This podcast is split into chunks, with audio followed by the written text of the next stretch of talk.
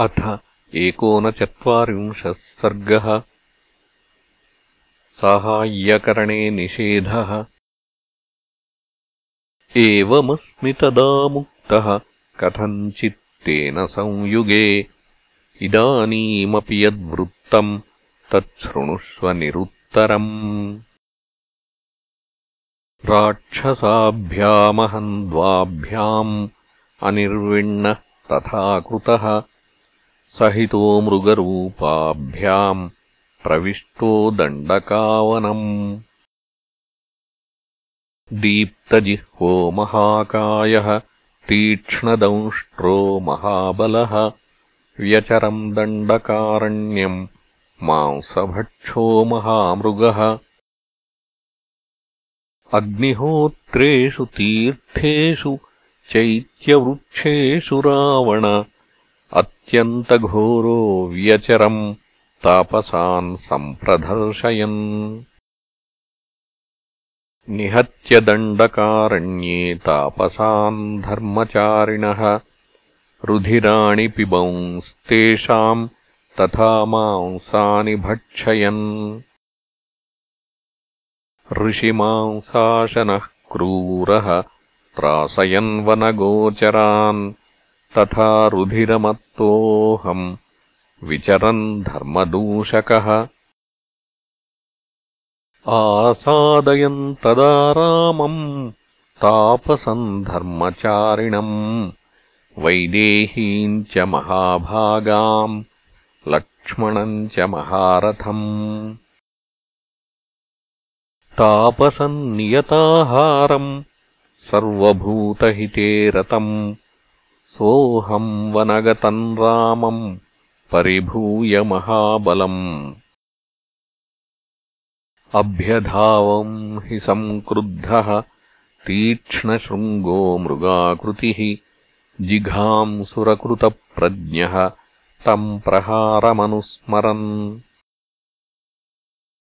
तेन मुक्तास्त्रयो बाणाः शिताः शत्रुनिबर्हणाः विकृष्य बलवच्चापम् सुपर्णानिलनिःस्वनाः। ते बाणा वज्रसङ्काशाः सुमुक्ता रक्तभोजनाः आजग्मुः सहिताः सर्वे त्रयः सन्नतपर्वणः। पराक्रमज्ञो रामस्य शरो दृष्टभयः पुरा समुद्भ्रान्तस्ततो मुक्तः तावुभौ राक्षसौ हतौ शरेण मुक्तो रामस्य कथञ्चित्प्राप्य जीवितम्।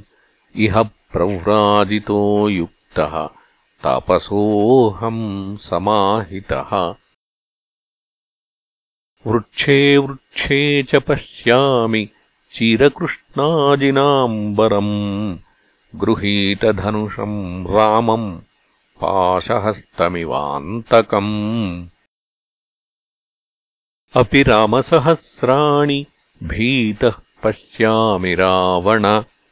रामभूतमिदम् सर्वम् अरण्यम् प्रतिभाति मे।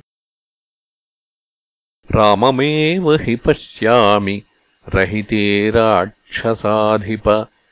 दृष्ट्वा स्वप्नगतम् रामम् उद्भ्रमामि विचेतनः। रकारादीनि नामानि रामत्रस्तस्य रावण। रत्नानि च रथाश्चैव त्रासं सञ्जनयन्ति मे। अहम् तस्य प्रभावज्ञो न युद्धन्तेन ते क्षमम् बलिम् वा नमुचिम् वापि हन्याद्धिरघुनन्दनः। रणे रामेण युध्यस्व क्षमाम् वा कुरु राक्षस न ते रामकथाकार्या यदि माम् द्रष्टुमिच्छसि। बहवः साधवो लोके युक्ता धर्ममनुष्ठिताः परेषामपराधेन विनष्टाः सपरिच्छदाः।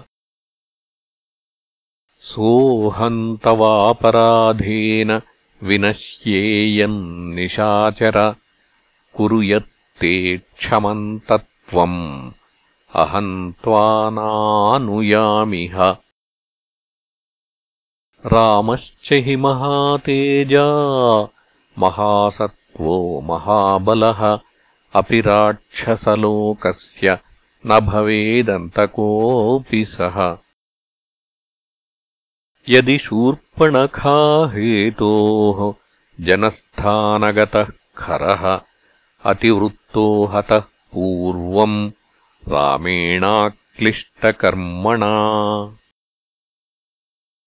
अत्र ब्रूहि यथा तत्त्वम् को रामस्य व्यतिक्रमः।